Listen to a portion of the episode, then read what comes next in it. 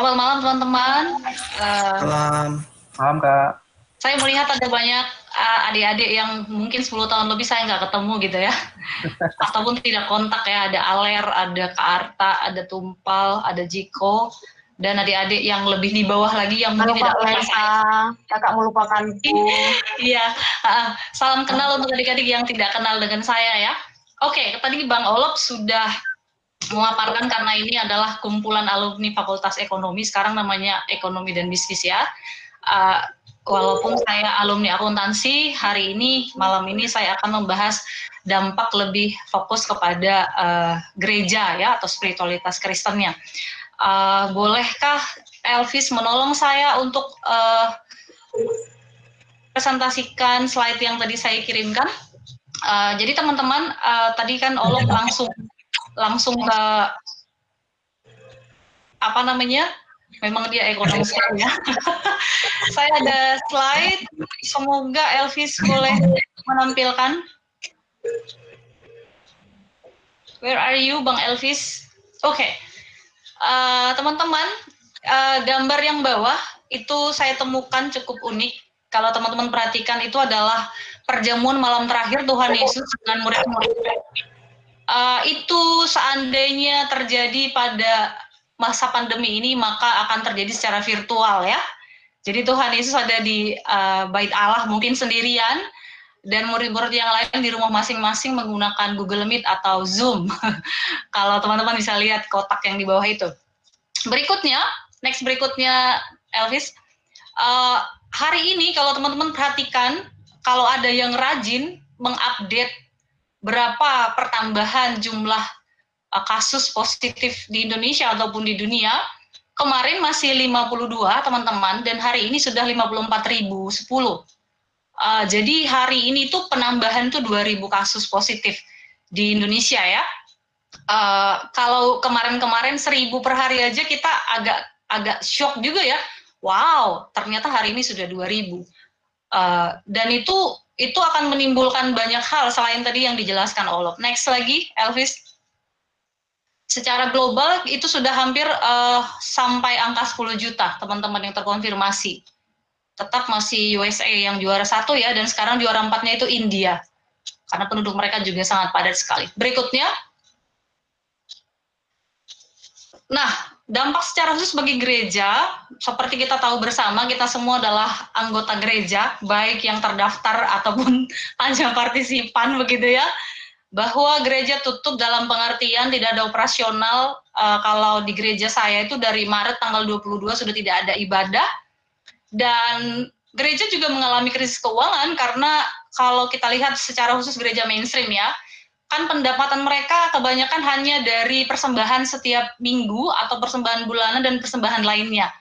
Mungkin kalau gereja-gereja karismatik yang lebih liquid, mereka kan punya YouTube ya.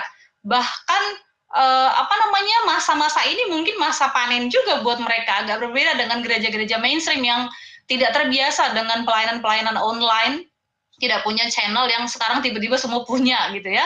Dan selain itu jemaat juga cemas dan takut uh, beberapa gereja yang cukup gagap berusaha untuk punya pelayanan dan berusaha membuat uh, metodenya menjadi online.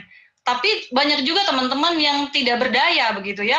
Uh, nanti saya akan pertunjukan lagi ada beberapa gereja khususnya di daerah seperti di Papua, mereka tidak punya cukup uh, sarana untuk bisa melakukan metode online ini. Selain sinyal yang susah juga banyak jemaat yang tidak punya handphone gitu. Jadi agak sulit bagi mereka untuk melakukan metode online mengubahnya begitu. Lanjut bang Elvis. Nah tapi kemudian uh, langsung ditunjukin aja semua Vis biar cepat uh, desakan untuk masuk ke new normal ini juga Elvis kecepatan terlihat di gereja teman-teman. Jadi tadi di awal waktu kita belum mulai sama teman-teman bercanda begitu ya. Apakah memang jemaat benar-benar rindu mau ke gereja atau mereka sudah bosan di rumah gitu ya? Tetapi apa pun itu kenyataannya memang itu ada, itu faktanya teman-teman. Uh, satu sisi bahwa gereja juga ingin ekonominya membaik dengan beribadah kembali, persembahan lancar lagi gitu ya kemudian memang jemaat juga rindu beribadah gitu. Itu itu beneran, itu sungguhan. Dan jemaat juga mengatakan bahwa bagaimanapun bagusnya ibadah online tidak akan pernah bisa menggantikan ibadah yang bertatap muka di gereja. Karena ketika bertatap muka itu terasa perjumpaannya, bisa kontak fisik, bisa saling memeluk, bisa bersalaman, bisa menguatkan secara langsung. Jadi online itu kan tidak bisa begitu ya. Jadi mereka tetap merindukan harus ketemu, harus uh, membuka gereja kembali begitu. Nah, kemudian desakan lain adalah gereja mengatakan toh bisa kok kita bikin protokol kesehatan yang ketat. Ya udah dibuka aja, kita ibadah lagi aja gitu ya. Sehingga hari ini di Jakarta sudah ada beberapa gereja yang dibuka, bahkan di Bekasi minggu lalu sudah ada yang beribadah juga. Next. Dan teman-teman eh, PGI sebagai uh, persekutuan gereja-gereja di Indonesia yang uh, anggotanya hampir seluruh gereja-gereja besar, baik yang mainstream ataupun yang pentakosta karismatik, mengatakan bahwa jangan terburu-buru membuka gereja, gitu ya. Kenapa? Karena uh, ini kan virus ini kan baru gitu ya, dan sangat berbahaya, mematikan, tidak hanya mematikan fisik tapi ekonomi. Tadi kita sudah dengar dari dari Olok betapa berbahayanya wabah ini begitu ya dan gereja bisa saja menjadi klaster baru penyebaran uh, COVID hari ini aja sudah tambah 2000 gitu loh. Kalau kemudian ada perkumpulan orang-orang yang resikonya semakin tinggi untuk menyebarkan, kenapa harus buru-buru gitu loh. Jadi PGI cukup berhati-hati sekali untuk menghimbau gereja-gereja anggotanya mengatakan jangan terburu-buru. Sebenarnya kan bahasa ini sangat halus ya teman-teman. Sebenarnya PGI punya perspektif bahwa jangan dululah gitu ya, jangan dululah uh, karena juga teologi itu kan atau gereja itu kan harus uh, berkarya melakukan sesuatu untuk kebaikan seluruh umat, seluruh orang, bahkan tidak hanya anggota gereja gitu loh. Kalau kemudian ibadah itu membuat resiko persebaran semakin tinggi, kenapa tidak di rumah aja dulu? Toh kan sama-sama beribadah, kira-kira begitu teman-teman ya. Lanjut. Um, dan apakah di rumah ibadah di rumah tetap bisa menjawab kebutuhan atau menjalankan fungsi gereja. Kenapa tidak gitu ya? Ini ada percakapan, katakanlah ini antara iblis dan Tuhan gitu ya. Si iblis bilang, with COVID-19 I have closed your churches. Tapi Yesus bilang, on the contrary, I have opened one in every home. Jadi sebenarnya penutupan gedung gereja yang bisa menampung ribuan orang itu uh, tidak tidaklah jauh lebih baik atau di rumah-rumah itu sebenarnya jauh lebih powerful kalau menurut saya ya. Lagian kan ini masa transisi, masa krisis gitu loh. Tidak akan seterusnya seperti ini. Nah, rumah adalah gereja mini, bukankah gereja itu bukan gedungnya, ada lagunya ya. Rumah akan menjadi pusat pendidikan iman. Bagi teman-teman adik-adik yang sudah punya anak, ini mungkin akan sangat berasa sekali ya, eh, bahwa rumah itu menjadi pusat pendidikan formal sekarang juga pendidikan iman ya. Eh, tanggung jawabnya semakin besar sekarang menjadi orang tua. Dan gereja bisa tetap bergerak secara virtual. Uh, di beberapa ini saya catat di sini itu ada GKI Kayu Putih di Jakarta. Bahkan gereja ini memfungsikan gedungnya yang kosong berbulan-bulan itu menjadi tempat penampungan hasil-hasil pertanian petani-petani yang tidak tahu mau jual ke mana. Itu mulai dari bulan April kemarin sampai Mei mereka tampung semuanya dan mereka jual. Mereka membantu petani-petani untuk menjual uh, hasil pertanian mereka lewat gedung gereja yang kosong gitu ya. Juga gereja membuka pelayanan pastoral secara virtual. Juga visitasi juga dilakukan secara virtual. Jadi ada Zoom meeting dengan keluarga-keluarga tertentu. Walaupun tetap teman-teman, tidak semua gereja bisa melakukan hal ini. Masih banyak gereja yang gagap gitu ya. Uh, saya tidak usah sebut gerejanya gitu ya. Ada banyak gereja yang diam saja mulai dari Maret tutup gitu, cuman bisa memberikan tata ibadah diantarin satu-satu atau dikirim lewat WA gitu. Mungkin karena tidak punya fasilitas untuk buat uh, ibadah online YouTube channel mereka tidak paham gitu. Tidak punya sumber daya juga mungkin. Dan sebenarnya ada satu yang paling menarik dan saya tidak menemukan harusnya gereja bisa menjadi tempat isolasi bagi pasien COVID, harusnya karena saya tahu ada sekolah di Jakarta, mereka membuka gedung sekolah itu menjadi tempat isolasi bagi pasien COVID. Tapi gereja-gereja di Jakarta secara khusus ya, karena saya di Jakarta, saya tidak mendengar satupun gereja yang punya gedung yang bagus, punya hall yang bagus, tidak satupun saya tahu uh, merelakan atau memberikan dengan sukacita gedungnya untuk tempat isolasi gitu ya. Harusnya kan bisa gitu ya. Lanjut. Nah, teman-teman, bagaimana langkah pemuritan di tengah pandemi? Saya yakin teman-teman yang ada di sini atau yang masih aktif KTB-nya, mungkin sudah pernah bikin Zoom KTB dengan Zoom gitu ya. Saya sendiri uh, memimpin PA pra remaja di gereja dengan uh, Zoom gitu ya. Jadi setiap hari Sabtu kita ketemu, uh, kita sharing, kita nyanyi, kita doa, kita ibadah dengan dengan cara baru ya, dengan virtual. Kalau untuk generasi Z dan Alpha ini memang sangat tidak masalah, teman-teman. Yang masalah adalah generasi di atas yang lebih tua ya, karena kan imigran digital ya, digital imigran yang masih gago ini ini pencet apa pencet apa tapi kalau Z dan Alpha itu mereka bahagia sekali karena tidak masalah bagi mereka menggunakan uh, Zoom dan aplikasi-aplikasi yang lain. Berikutnya lagi, uh, Bang Elvis. Nah, karena saya diminta sebenarnya saya agak senyum-senyum ketika membuatkan ini ya. Dihabisin aja Elvis. Apa etika dalam ibadah online? Jadi sekarang ini kan teman-teman kalau kita buka YouTube, ketik aja ibadah online, itu kita kayak berselancar di lautan, nama-nama gereja muncul semua gitu ya. Jadi kalau dulu gereja itu seperti anti YouTube gitu ya. Dulu YouTube itu kan kayak negatif banget gitu ya. Tapi lihat sekarang, gereja mana yang nggak punya YouTube channel sekarang? Ya mungkin hanya gereja-gereja di pedalaman yang memang tidak punya sinyal, yang tidak punya sumber daya untuk bikin YouTube channel. Tapi semua sekarang berserak ada di mana-mana. Kita bisa jajan, kita hari Minggu kayak tadi tuh saya aja bisa mendengarkan khotbah itu banyak sesuka hati saya. Mau ambil yang model karismatik, pentakosta, uh, Katolik, saya saya bisa berselancar jajan banyak-banyak secara virtual gitu ya. YouTube-nya itu banyak sekali. Nah, ini saya mencatat ada satu gereja yang punya YouTube channel, dia bikin begini sebelum ibadah, ada pra ibadah gitu ya. Persiapkan hati jangan sambil tiduran, persiapkan tempat ruang keluarga, Hindari benda yang mengganggu kehikmatan ibadah. Sudah siap 30 menit sebelum ibadah dimulai. Jangan selfie, instastory, jangan komen karena sedang beribadah kepada Tuhan. Pakai busana yang rapi, jangan pakai piyama. Ajak anak ibadah bersama. Uh, ini bagus teman-teman, ini bagus. Cuman saya membayangkan ya, saya nggak tahu teman-teman yang ibadah di rumah dengan anak ya setiap minggu, apakah memang melakukan uh, uh, etika yang ini begitu. Karena dalam bayangan saya prinsip ibadah itu adalah Tuhan hadir, umat hadir. Itu yang paling prinsipil dalam sebuah ibadah. Kalau ibadah di rumah, kita di rumah, hanya di rumah lah kita berani pakai celana koyak-koyak ya kan. Kalau keluar pagar kita nggak berani dong, malu. Malu lah pakai celana koyak-koyak keluar pagar. Tapi masuk pagar sampai ke dalam itu suka-suka kita kan di rumah kita. Rumah-rumah kita kok yang di dalam juga semuanya adalah bagian dari kita. Itu sangat intim sekali. Jadi bagi saya ya bagi saya yang juga selama ini melakukan ibadah online uh, uh, apa namanya etika ini agak agak agak berat untuk saya lakukan gitu ya. Karena rumah itu uh, itu adalah saya gitu. Saya tidak perlu harus ya saya juga melihat sih beberapa apalagi yang orang Batak ya yang gerejanya gereja Batak walaupun gereja di rumah bapaknya pakai jas mamanya juga pakai kebaya wow.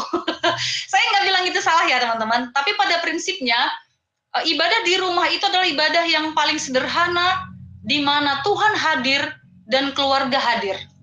Itu yang paling prinsipil gitu. Kalau memang bisa melakukan hal ini amazing gitu ya tapi yang penting Tuhan hadir dan kita hadir di situ. Itu yang paling penting. Uh, berikutnya,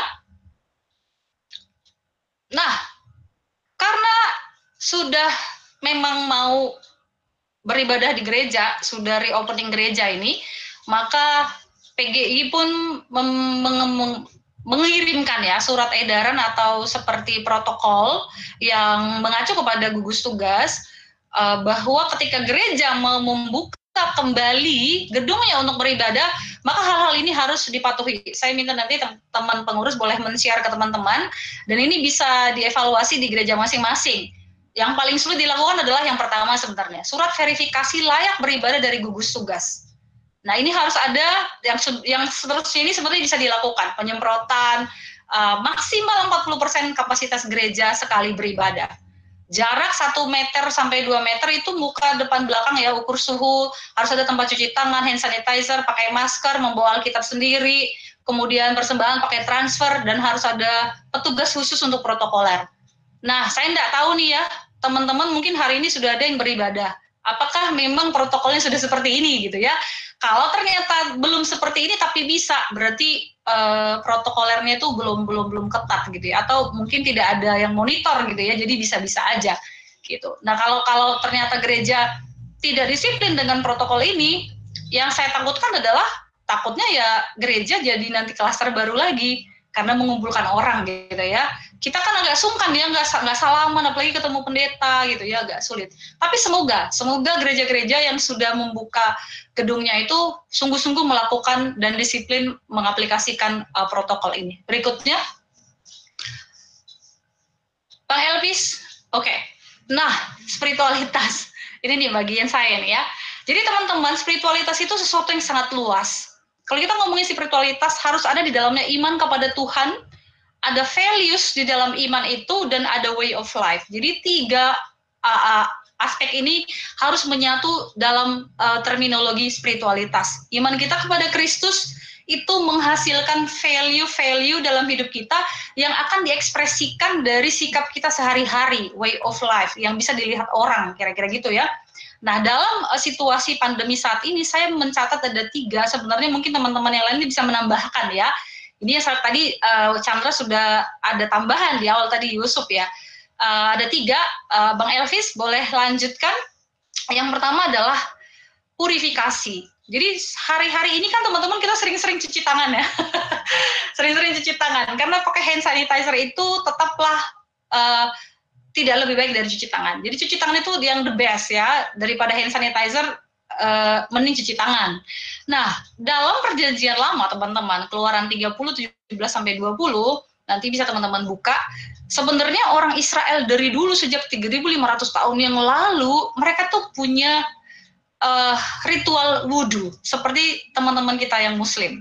Sebelum mereka masuk bait Allah, mereka harus membersihkan tangan dan seluruh tubuh dan nanti kalau baca di keluaran 30 dikatakan di situ kalau mereka tidak mencuci tangan, kalau mereka tidak dibersihkan, mereka akan mati terbunuh. So, uh, kenapa saya menuliskan ini? Kadang-kadang kan orang, apalagi orang Batak ya, saya juga dulu agak jarang cuci tangan gitu ya, kalau nggak kotor-kotor banget nggak cuci tangan. Sekarang ini sampai kering, tangannya sehari itu bisa berkali-kali, saking seringnya tuh kering gitu ya. Nah, saya membayangkan ketika kita mencuci tangan untuk uh, apa namanya antisipasi uh, pandemi ini semoga kita sehat, imun kita kuat, bersih-bersih gitu ya. Mari kita ingat bahwa dari dulu sebenarnya orang Israel punya spiritualitas purifikasi. Jadi mereka selalu mencuci tangan tuh setiap hari mau ketemu Tuhan sama persis kayak teman-teman kita muslim lima kali sehari mereka harus purifikasi mencuci tangan mencuci kaki membersihkan seluruhnya untuk benar-benar suci berjumpa dengan Tuhan Uh, nanti juga bisa kita lihat di Markus 7 1 sampai 3 mereka punya tradisi yang dijaga terus yaitu purifikasi salah satunya washing hand. Jadi um, dikatakan di situ uh, ada ada satu tulisan yang lucu love your neighbor and uh, and wash your hands gitu ya. Jadi kasihilah tetanggamu dan cucilah tanganmu gitu ya. Jadi itu seperti hukum ya, seperti bagian dari hukum yang harus dilakukan gitu. Yang berikutnya adalah uh, spiritualitas Bang Elvis ya menarik diri dari keramaian. Nah ini dari contoh Tuhan Yesus sendiri. Jadi teman-teman dulu kalau kita uh, eh, MHB, saya lupa MHB berapa ya yang tentang saat teduh itu ya. Yesus menarik diri dari keramaian. Setelah lelah sekali dia melayani, dia menarik diri dari keramaian. Kemudian dalam teks ini juga nanti ketika Yesus mau dicobai iblis, dia di padang gurun selama 40 hari itu tanpa teman. Dia sendirian. Bayangkan 40 hari di padang gurun, dia sendirian. Apa yang terjadi di sana? Discernment, ada ketajaman, ada penajaman rohani. Ad, hanya ada dia dan dan bapaknya begitu. Dan di situlah ada banyak dialog-dialog tentang untuk apa aku hidup, apa yang terjadi saat ini, apa yang harus kulakukan. Nah, kenapa saya mencatat ini teman-teman?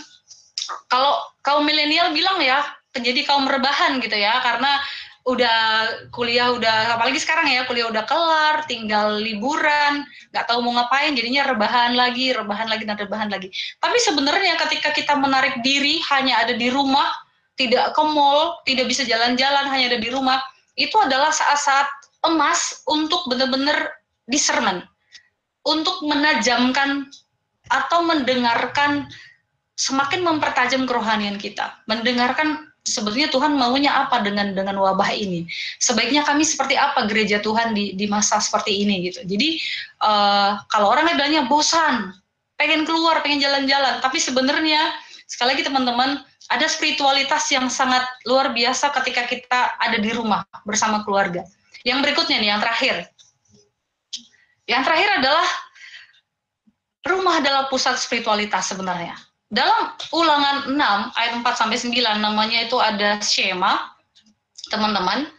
Uh, skema ini adalah seperti syair yang bagi orang Israel setiap ibadah atau setiap hari. Karena mereka beribadah setiap hari seperti orang muslim ya. Kalau kita sekarang kan cuma sekali seminggu ke gereja.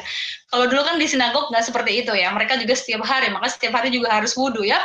Itu dikatakan di situ saya bacakan ya ulangan 6 dikatakan begini um, apa yang kuperintahkan kepadamu pada hari ini? Haruslah engkau perhatikan, haruslah engkau mengajarkan berulang-ulang kepada anak-anakmu dan membicarakannya apabila engkau duduk di rumahmu, apabila engkau sedang dalam perjalanan, apabila engkau berbaring dan apabila engkau bangun, haruslah juga engkau mengikatkannya sebagai tanda pada tanganmu dan haruslah itu menjadi lambang di dahimu dan haruslah engkau menuliskannya pada tiang pintu rumahmu dan pada pintu gerbangmu.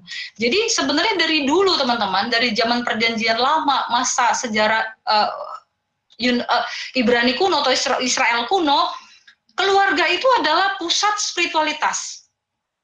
Apalagi pada zaman belum ada bait Allah gitu ya. Ketika mereka dibuang tidak ada bait Allah. Mau ke mana mereka? Siapa yang menjaga iman anak-anaknya? Keluarga, bapak sama mamanya gitu ya. Uh, sekali lagi ini bagi teman-teman yang sudah punya anak, berarti teman-teman dipercayakan Tuhan dan juga diberikan tanggung jawab untuk mendidik mereka menjadi anak-anak yang mengenal Tuhan yang benar begitu ya. Jadi saat-saat ini adalah saat-saat yang maksimal bagi keluarga memfungsikan rumah rumah tangga sebagai pusat spiritualitas gitu ya. Saya mendengar di gereja ya inang-inang itu pada ngomel gitu ya. Ah kenapa ini harus sekolah online? Saya udah nggak ngerti pelajarannya. Akhirnya anaknya bilang begini, ah mending sekolah aja lah. Di rumah mamanya marah-marah terus mama ini pun udah marah-marah salah lagi gitu ya. Jadi teman-teman uh, rumah sebagai pusat spiritualitas artinya orang tua itu menjadi imam di rumah, menjadi guru di rumah dan menjadi teladan di rumah. Karena anak-anak itu akan mengimitasi apa yang dilakukan orang tuanya. Kalau ketika orang tuanya punya masalah diselesaikan dengan berantem, itu akan direkam dengan baik oleh si anak. Besok-besok dia punya masalah, dia akan selesaikan dengan berantem. Kalau bapaknya marah sama mamanya pakai lempar piring, itu akan direkam. Itu akan jadi format, template. Besok-besok dia berantem sama orang, dia akan lempar pakai piring gitu ya. So, uh, nanti teman-teman bisa lihat ulangan 32 ayat 7 juga Amsal 3 ayat 1 3 itu tetap hai anakku gitu ya, kalungkanlah itu pada lehermu. Jadi rumah pada saat ini menjadi harapan kita yang memfungsikan dengan maksimal dirinya sebagai pusat spiritualitas.